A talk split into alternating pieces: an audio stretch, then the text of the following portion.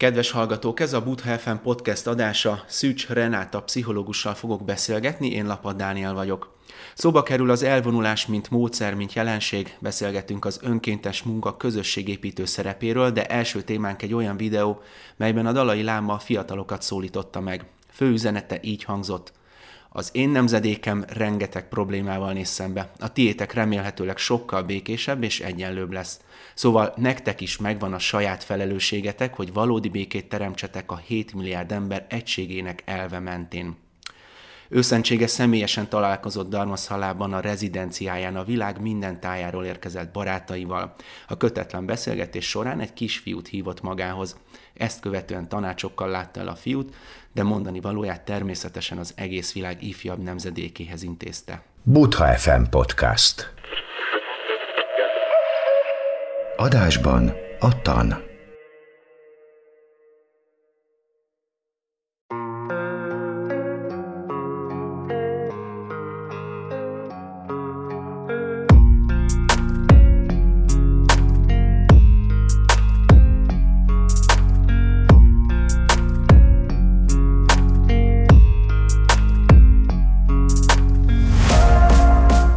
Köszöntjük a Buddha FM hallgatóit, ez itt a Buddha FM podcast, vendégünk Szűcs Renáta, pszichológus. A Buddha FM podcast csatornáin hallhatjátok az adást, és természetesen majd a buddhafm.hu online műsorában is e, meghallgatható. Három fő témát hoztunk, szia, köszöntelek a Sziasztok. podcastben. Az első egy olyan videó, amit az előbb meg is néztünk együtt, de a buddhafm.hu hírek rovatában meg is találjátok, ahol a Dalai Láma a fiataloknak küld üzenetet, de hát a formája az egy nagyon érdekes dolog. Most frissen láttad, egy maori kisfiút hív fel magához, rögtön úgy üdvözli, hogy az ősi maori mm. szokás szerint összeillesztik az or- orrukat, majd tulajdonképpen ezt a világnak szóló üzenetet így személyesen felé fordulva a szemébe mondja el. Mi, mi jutott eszedbe neked erről a, erről a gesztusról? Mm, alapvetően nagy hatással volt rám az az odafordulás, vagy az a nagyon közvetlen uh, módja ennek a, ennek a tanácsnak az átadásának, uh, amitől valahogy olyan, azt hiszem, hogy így mindannyiunk számára könnyebb ehhez kapcsolódni, amikor valamit így ennyire, ennyire őszintén tudnak átadni. Tehát, hogy így nem volt benne um, semmi okítás, hanem sokkal inkább egy őszinte remény megfogalmazása, ami valahogy legalábbis nálam sokkal inkább célba ért. Ugye az volt az üzenete, um, hogy a ti generációtok, ez a 11 néhány éves kisfiú generációja az, akik megteremthetik a békét a világon. Hát mondjuk azért kemény teher. Majd így felnőttként visszaemlékszik rá, akkor, akkor ez, egy, ez egy felelősség is de, de hogy az arra gondoltam egy kicsit, mint az ilyen fantázia filmekben, fantazi képregény filmekben, hogy amikor a jóslatot elmondják mm. neked, ez tulajdonképpen onnantól kezdve már az egy feladattá is válik. Igen. Meg hát az önbeteljesítő jóslatok is nagyon sokszor ö, működnek, és, és ö, hatást gyakorolnak az életünkre. Tehát, hogy ezek az elvárások, ahogy így megfogalmazódnak az irányunkban, nagyon sokszor valóban egy ilyen életfeladattá is át tudnak alakulni. Neked volt ilyen egyébként gyerekkorodban, hogy valaki így, így odafordult hozzád, akár egy idősebb ember, és valami olyan mondat, ami mai napig megvan benned? Hmm, inkább Érdekes, hogy inkább valahogy így az önbeteljesítő jóslatokról most a negatív példák jutnak eszembe, amikor azt mondták, hogy, is. hogy ezt nem fogom tudni megcsinálni, és ah, akkor csak igen, azért igen, is igen, megcsináltam. Igen, szóval, igen, hogy ez a fordított pszichológia is, is működik az is, jó, is az önbeteljesítő jóslatoknál. Igen, igen, igen, igen.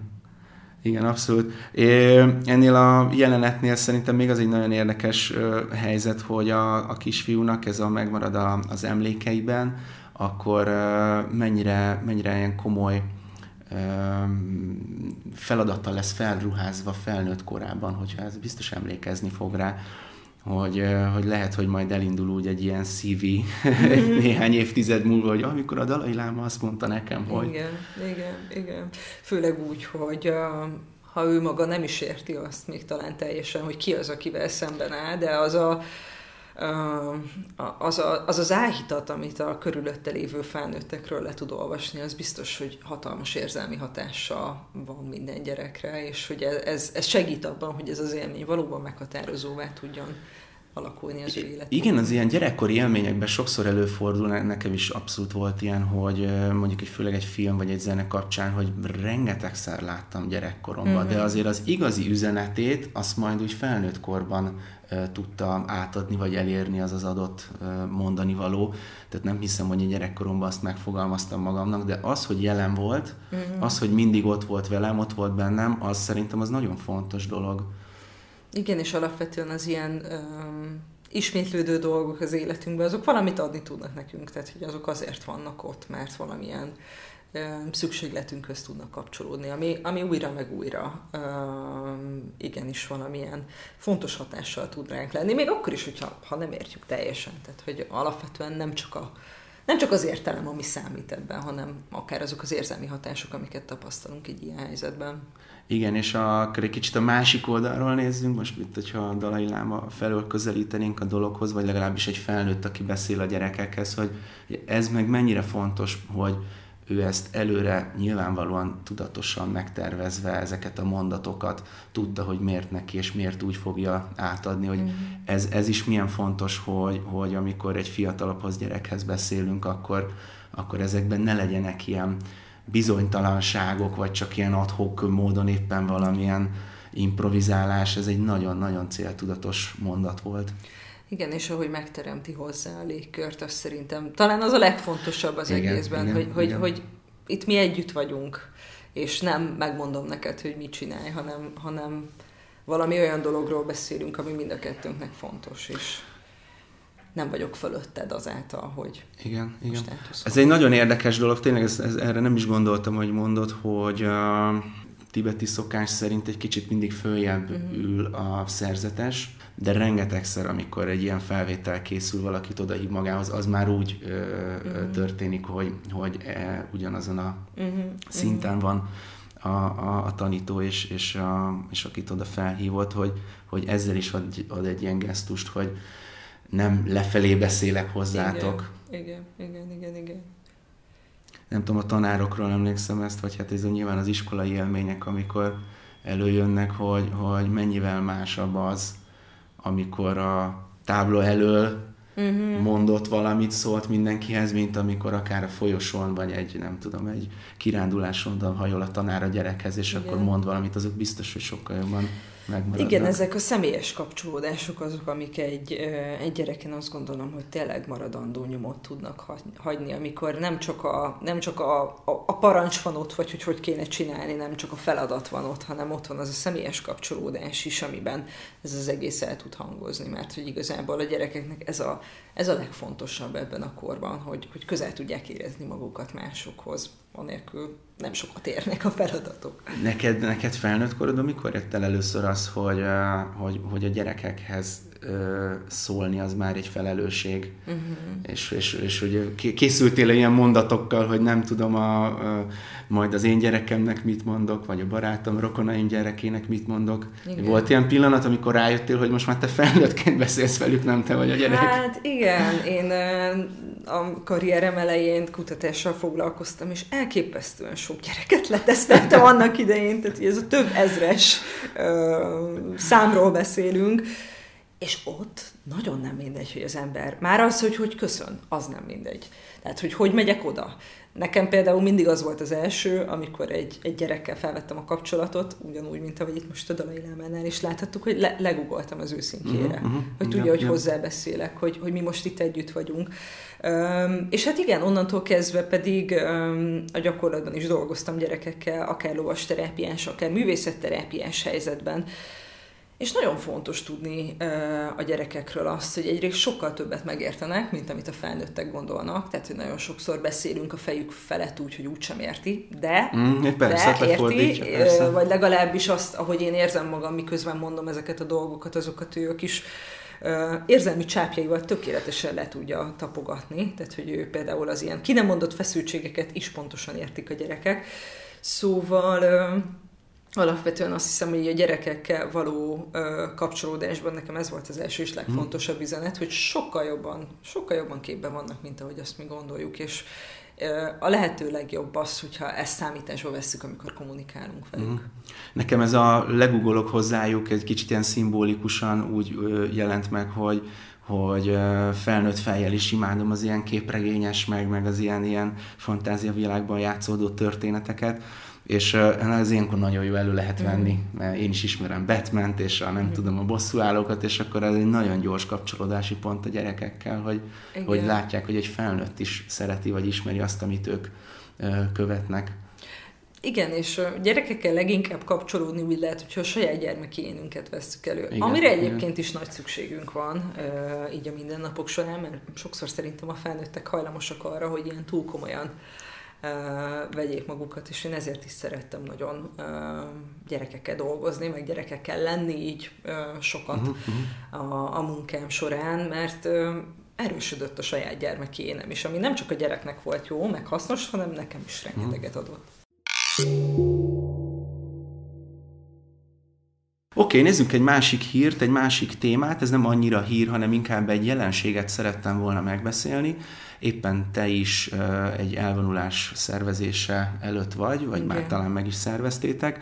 Én, én, én magam csak résztvevőként vagy gyakorlóként ö, ö, voltam jelen ilyenen, de azt látom, hogy nagyon elkezdett a köztudatba ö, ö, ez a szó önmagában az, hogy elvonulás elkezdett ismerté válni, de hogy pontosan ki mit ért rajta, azt nem tudom, és az merült fel bennem, mint sok ilyen jelenséggel kapcsolatban, hogy mennyi, mennyi benne a trend, a divat, uh-huh.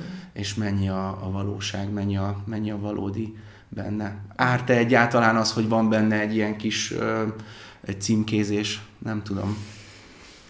Szerintem a, a trend része az, az abból adódik, hogy valami olyan hiányra tud-e ez egy, nem tudom, akut megoldást adni az embereknek, ami, ami nagyon ott van az életünkben, hogy, hogy pont ez, a, ez az igény, hogy nem tudunk kiszakadni, nem tudunk kiszakadni a fejünkből, nem, szok, nem tudunk kiszakadni a, a, a listáról, a feladatlistáról, amiket meg kell csinálni, nem tudunk kiszakadni a munkából. Szóval, hogy, hogy ez, a, ez a beragadtságérzés, ez ott van mindannyiunk életében, és talán ami, ami a trend része az elvonulásoknak, hogy erre egy ilyen nagyon jó választ tudnak adni, hogy oké, okay, ha nem tudsz kiszakadni, gyere el velünk, és akkor mindenképpen kiszakadsz. Szóval, Igen, csak hogy... van már egy kicsit ilyen falusi turizmus jellege a dolognak, miközben én pedig azon a elven vagyok, hogy, hogy először, először próbálj meg otthon a hétköznapokban elvonulni, most Aha. ezt idézőjelben mondom, tehát legalább az ember próbálj meg leülni egy picit, uh-huh. használni valamilyen technikát, és akkor utána van értelme elmenni két-három-öt napra, így a semmiből beleugrani egy ilyen hétvégébe, azért az tényleg azt gondolom, hogy inkább a turisztikai Aha, része igen, a dolognak. Igen, igen, abszolút értem, hogy mire gondolsz, és talán ezt úgy tudom magamban átfordítani, hogy nagyon nem mindegy, hogy milyen célral megy az ember egy elvonulásra, hogy, hogy, hogy meg akarja váltani az életét, vagy pedig tudja azt, hogy egyébként ez adhat egy löketet, mert amúgy szerintem azt tényleg tudja, hogy, hogy elindít folyamatokat, de önmagában három nap alatt nem fog semmi uh-huh. változni, tehát hogy ezt, ezt azért fontos tudni. Talán ha hallották a hallgatók, volt egy beszélgetésünk már a vallás és pszichológia témában, ezt megtalálják majd a Butha FM oldalán. Ott beszéltettünk egy kicsit az elvonulásról, és ott jutott eszembe, amikor mondtad, hogy valakik néha a határaikat feszegetik, nem szakemberhez méltó módon próbálják mondjuk így a, az elvonulóknak a lelki világát boncolgatni. És az jutott erről eszembe, hát persze, hiszen az elvonulásoknak ez is ugye egy ősi módszer, modell, amikor a szerzetesek hosszú időre ö, ö, gyakor, el, elmentek gyakorolni, hát ott nagyon komoly szabályok voltak, kezdjük azzal, hogy nem lehetett beszélni. Uh-huh tehát, és a tanítóhoz is csak adott időszakban lehet szólni, kérdezni, és egymáshoz viszont nem. És a tanító is csak nagyon rövid válaszokban ad, ad valamiféle instrukciót. Bizonyos szabályokat tartó elvonulásokon ez a mai napig így van. Uh-huh nem tudom, hogy a, ahol, ahol nem vallási szabályok köré szervezik az elvonulást, ott hogyan működik ez, vagy hogyan lehet ezt betartani, hogy azért ne fussunk rá ilyenekre, hogy valaki hirtelen ott ilyen lélekboncolgatásba kezd. Igen, igen, igen, és nyilván ez egy ilyen vékony vékony jég, amin vagyunk ilyenkor, mert hogy nyilván olyan igényel is jönnek oda az emberek, hogy szeretnének önmagukra reflektálni, és szeretnének ránézni az életükre, hát azért szakadtak ki, hogy, hogy azért valamit el tudjanak vinni ebből a három napból. Viszont azt gondolom, hogy ez a vezetők felelőssége, hogy, hogy egyrészt már az egész elvonulás kezdetén milyen alapszabályokat határoznak meg, hogy milyen ö, kommunikációs ö, alapmegfontolásokat vezetnek be. Gondolok itt ilyen nagyon egyszerű dolgokra, hogy ne hagyjunk egymásnak tanácsokat, hanem mm, csak igen, így igen, igen. hallgassuk igen. meg, hogy mit mond a másik, mert nekem az a tapasztalatom, hogy az ilyen mm, mond valaki valami problémát, a másik megpróbálja a saját megoldását rátolni, akkor úgy érzi a másik, hogy nem értik meg, és ebből tudnak ilyen nagyon eszkalálódó konfliktusok lenni amik, amik fel, felszakíthatnak olyan dolgokat, amiket nem kell boncolgatni hmm. egy elvonuláson. Hát egy, egy, egy, egy buddhista elvonulásról tudok beszámolni, de ott pont ezért vannak ilyen szabályok, hmm. hogy egymással nem kommunikálnak az emberek. Hmm. Hmm. Tehát a, az a nagyon minimális kommunikáció, az ugye ilyen csillag rendszerben működik, mm. a tanító mondhat valamit esetleg az elvonulóknak. Ennek pont ez a lényeg ennek mm. a szabálynak, hogy, hogy egymásról ne kezdjünk már el ott egyébként nem is ismerjük egymást, csak azt látjuk, hogy üldögélünk egymás mellett uh-huh. három napja. Úgyhogy igen, ez egy kicsit vékony jég.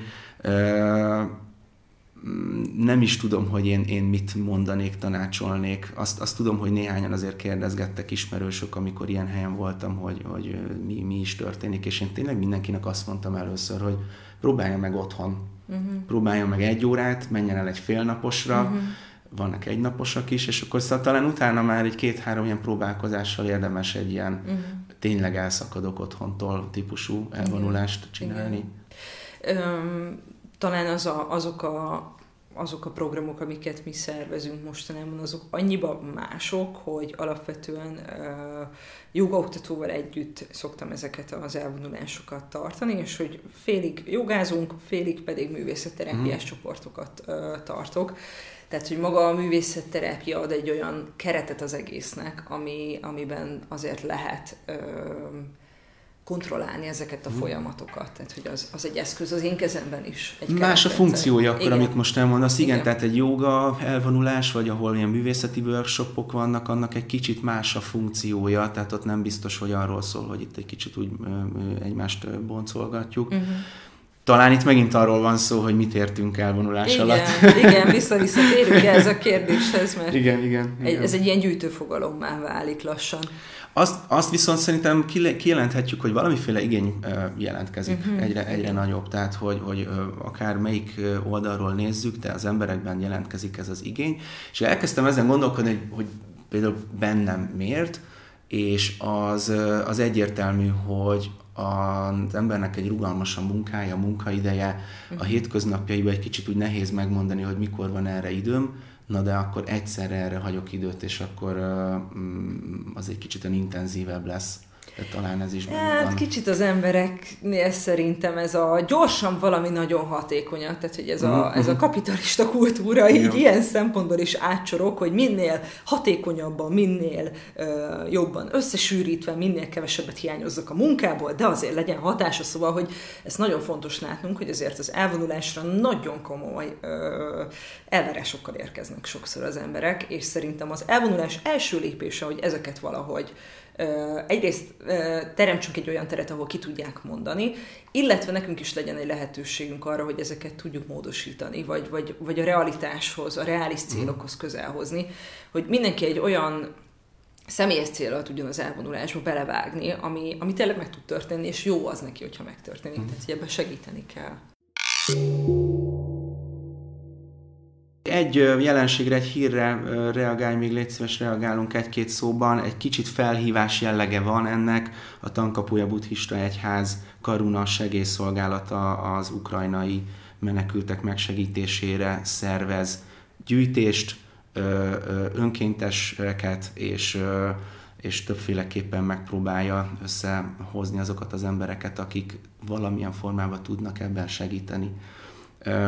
Egyébként a YouTube csatornánkon is megtalálható ez a felhívás. Nekem az ebből az egészből csak azt akartam jelenségként rákérdezni, megbeszélni, hogy, hogy milyen közösségépítő jellege lett, milyen közösségépítő ereje lett ennek a szomorú aktualitásnak, és mindig sok, szokták mondani, akár emlékszem osztályokban is, hogy a közös ellenségkép összehozza az embereket. Abszolút, De itt most nem csak egy közös ellenségkép hozta össze az embereket, hanem egy, egy nagyon egy fontos, közös, pozitív mm-hmm. üzenet is összehozta az mm-hmm. embereket. Tehát nem csak a negatív dolog, hanem a pozitív is össze Igen. tudja hozni. Neked volt ilyen, amit így, mi, mi volt az első ilyen ebben a szomorú helyzetben mondhatni pozitív élmény, amit mm-hmm. láttál a mm-hmm. médiában? Hát igen, alapvetően történt egy ilyen kollektív trauma, és erre van egy, egy, egy kollektív gyógyulási folyamat, ami válaszként elkezdődik, és ezt, ezzel kapcsolódni, ezt látni, egy kicsit fókusz helyezni erre is, hogy egyébként mennyi minden történik pozitív irányba a traumatikus események hatására.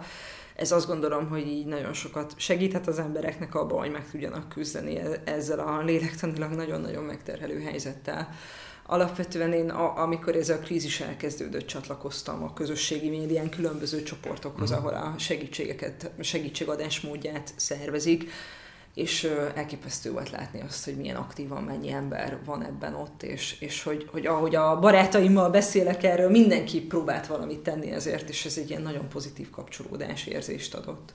Szerintem majdnem minden ember életében, szakmájában van egy olyan pont, ahol ehhez lehetett kapcsolódni. Én a magam részéről médiát, mint szakmát láttam, hogy persze vannak negatív tapasztalatok, de azért összességében majdnem mindenhol próbáltak megmozdulni, és a, abba az irányba terelni az információkat, riportokat, hogy, hogy uh, ahol lehet, ott, ott segítsenek az emberek. Úgyhogy én is azt gondolom, hogy a, hogy a pozitívumát is meg lehetett találni ennek a szomorú helyzetnek, és hát mindenki, aki talál a kis közösségében valami olyan lehetőséget, ahol segíthet, az még mindig, még mindig nagyon aktuális a téma, úgyhogy uh, továbbra is erre buzdítunk mindenkit.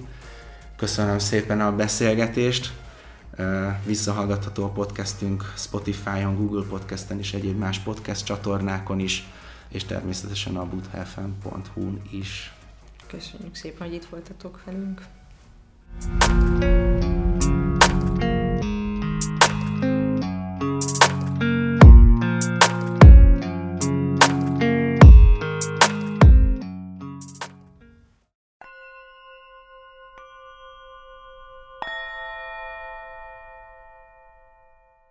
karuna.tkbe.hu e-mail címen felvetik a kapcsolatot a Tankapuja Karuna segélyszolgálattal, a Butha FM és a tkbe.hu oldalán pedig egyéb információkat is olvashatnak arról, hogyan tudják jelenleg is támogatni az ukrajnai menekülteket. Ez volt a Butha FM podcast adása, köszönjük, hogy hallgatnak minket.